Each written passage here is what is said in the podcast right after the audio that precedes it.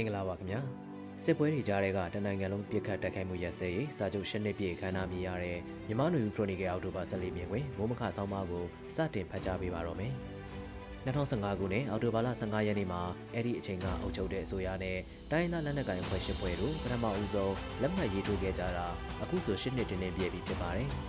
မြန်မာနိုင်ငံလွတ်လပ်ရေးရပြီးနောက်တမိုင်းတခြားပြည်တွင်းစစ်ဖြစ်ပွားလာခဲ့ရကအနှစ်68နှစ်မြောက်ကာလမှာ နှိုင်းရှင်ချက်အပြင်အပြစ်ခတ်ရက်စဲရေးနဲ့ နောက်တစ်ဆင့် နိုင်ငံရေးအရာဆွေးနွေးပွဲအထိ တက်လှမ်းဖို့ ဆွေးနွေးသဘောတူကနိုင်ငံတကာ အစိုးရအချုပ်ကိုသက်သေထားပြီး လက်မှတ်ရေးထိုးခဲ့ကြတာလည်း ဖြစ်ပါတယ်။ ဒီတနိုင်ငံလုံးပြစ်ခတ်တိုက်ခတ်မှုရက်စဲရေးသဘောတူစာချုပ် NCA ဟာခေတ်သစ်မြန်မာသမိုင်းမှာတော့မှတ်တိုင်တစ်ခုလို့ဆိုနိုင်တဲ့အနေအထားထိရောက်ရှိခဲ့တာဖြစ်ခဲ့ပြီးဆယ်စုနှစ်များစွာလက်နက်ကင်တိုက်ခိုက်ခဲ့တဲ့တိုင်းဒေသလက်နက်ကင်တော်တော်များများအနေနဲ့မြန်မာနိုင်ငံမှာအမှန်တကယ်ငြိမ်းချမ်းရေးဆွေးနွေးမှုတွေစတင်လာနေပြီလားလို့မျှော်လင့်ခဲ့ကြတဲ့အနေအထားမျိုးလည်းဖြစ်ခဲ့ပါတယ်။ဒီ NCA စာချုပ်ထွက်ပေါ်လာဖို့အတွက်တိုင်းဒေသလက်နက်ကိုင်အဖွဲ့အစည်းများပြားနဲ့ဦးသိန်းစိန်အစိုးရတာဝန်ပေးထားတဲ့မြန်မာငြိမ်းချမ်းရေးစင်တာ MPC တို့ပူးပေါင်းကအကြိမ်များစွာတွေ့ဆုံခဲ့ပြီးညှိနှိုင်းခဲ့ပြီးနောက် NCA ထွက်ပေါ်လာခဲ့တာပဲဖြစ်ပါတယ်။ဒီသဘောတူစာချုပ်အကြမ်းရေးဆွဲရမှာတိုင်းဒေသလက်နက်ကိုင်အဖွဲ့အစည်း16ဖွဲ့ကကိုယ်စားလှယ်တွေပါဝင်ခဲ့တယ်လို့ဆိုပေမဲ့လက်မှတ်ရေးထိုးချိန်မှာတော့10ဖွဲ့ကသာပထမဆုံးအတုပ်အနေနဲ့ရေးထိုးခဲ့ပြီးနောက်ဆိုရဖြစ်တဲ့ NLD လက်ထက်မှာနောက်ထပ်2ဖွဲ့ကရေးထိုးက10ဖွဲ့ဖြစ်လာခဲ့တာဖြစ်ပါတယ်။ 2010 ရွေးကောက်ပွဲပြီး အာဏာရလာတဲ့ ဦးသိန်းစိန်ဦးဆောင်တဲ့ ကြံ့ခိုင်ရေးပါတီဆိုရလက်ထက်မှာ ရရှိခဲ့တဲ့ ငြိမ်းချမ်းရေးအတွက်ပနာမ သဘောတူစာချုပ်ဖြစ်တဲ့ NCA ပေါ် အခြေခံပြီး2015ရွေးကောက်ပွဲမှာ အနိုင်ရလာတဲ့ ဒေါအောင်ဆန်းစုကြည် ဦးဆောင်တဲ့ NLD ပါတီဆိုရလက်ထက် နောက်ထပ်အတိုင်းအသား လက်နက်ကိုင်ဖွဲ့တွေ ထပ်မံ လက်မှတ်ရေးထိုးလာကြဖို့နဲ့ ဆယ်စုနှစ်များစွာ ရှေ့ကြတဲ့ ပြည်တွင်းစစ်ကနေအပြေရတော့မလားဆိုတဲ့ မျှော်လင့်ချက်ဟာ စစ်တပ်ရဲ့ တင်းမာတဲ့ရည်တည်ချက် ငြိမ်းချမ်းရေး ဆွေးနွေးမှု ရှေ့မတိုးနိုင်အောင် မကြာခဏ မြေပြင်မှာ တိုက်ခိုက်မှုတွေ ဖြစ်ပွားခြင်း ငြိမ်းချမ်းရေး ညီလာခံတွေမှာ စစ်တပ်ဘက်က သဘောတရား မူဝါဒတွေတင်မကစကလုံးတစ်ခုနဲ့တွင်နိုင်နဲ့ချီရက်နဲ့ချီဆွေးနွေးရအောင်တင်းခံထားခြင်းတွေကြောင့် NLD ရဲ့21ရာစုပင်လုံငြိမ်းချမ်းရေးညီလာခံကခရီးမရောက်ဘဲ2015မတိုင်ခင်အခြေအနေတန်းနောက်ပြန်လည်ရတဲ့အနေအထားမျိုးတွေဖြစ်ခဲ့တာကိုတွေ့ရမှာဖြစ်ပါတယ်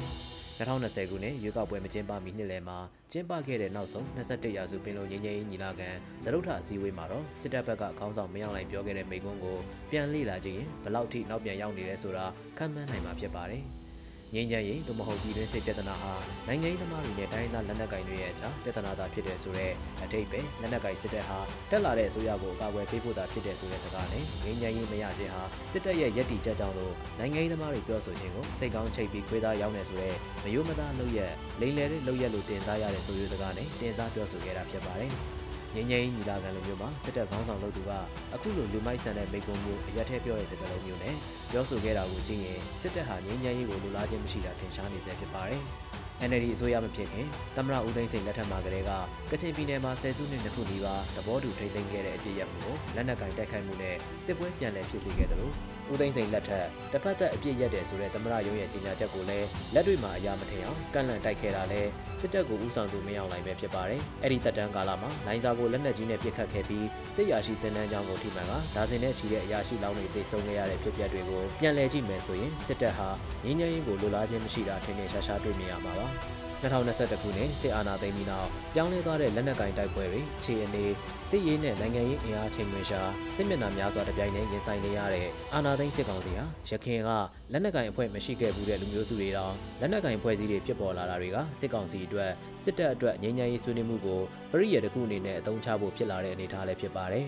စစ်အာဏာသိမ်းပြီးနောက် တိုင်းဒေသလက်နက်ကိုင်အဖွဲ့တွေတစ်ဖက်မှာ တိုက်ခိုက်နေတယ်လို့တစ်ဖက်မှာလည်း ငြိမ်းချမ်းရေးဆွေးနွေးမှုနဲ့ပေါ်ဆောင်ရေးကော်မတီလို့ ဖွဲ့ထားပြီး စကားပြောဖို့စိတ်ခိုင်းနေတာ ဖြစ်ပါတယ်။မိစားတစ်ဖက် ရေမုတ်တစ်ဖက် policy လို့ ဆိုရင်တော့မှ ရေမုတ်တစ်ဖက်ထက်မိစားဘက်ကပုံမပြင်းထန်စွာ တောက်လောင်နေတဲ့မိစားကိုမှွေပြီးတိုင်ဆောင်ထားတဲ့ အနေအထားမျိုးလည်း ဖြစ်ပါတယ်။အထက်က အဖြစ်ပြက်တွေထောက်ထားတွေကိုကြည့်ရင် အခုကျင်းပမယ့် NCA ရှင်းနှစ်မြောက် အခမ်းအနားဟာ လက်ရှိရင်ဆိုင်နေရတဲ့ စစ်မျက်နှာတွေကနေ စစ်ကောင်စီအဖို့ အင်အားပြန်လည်စုစည်းချိန်ရအောင် ချိန်ဆွဲတဲ့နီးပရီယယ်တစ်ခုလို့သာ ကောက်ချက်ချရမှာ ဖြစ်ပါတယ်ခင်ဗျာ။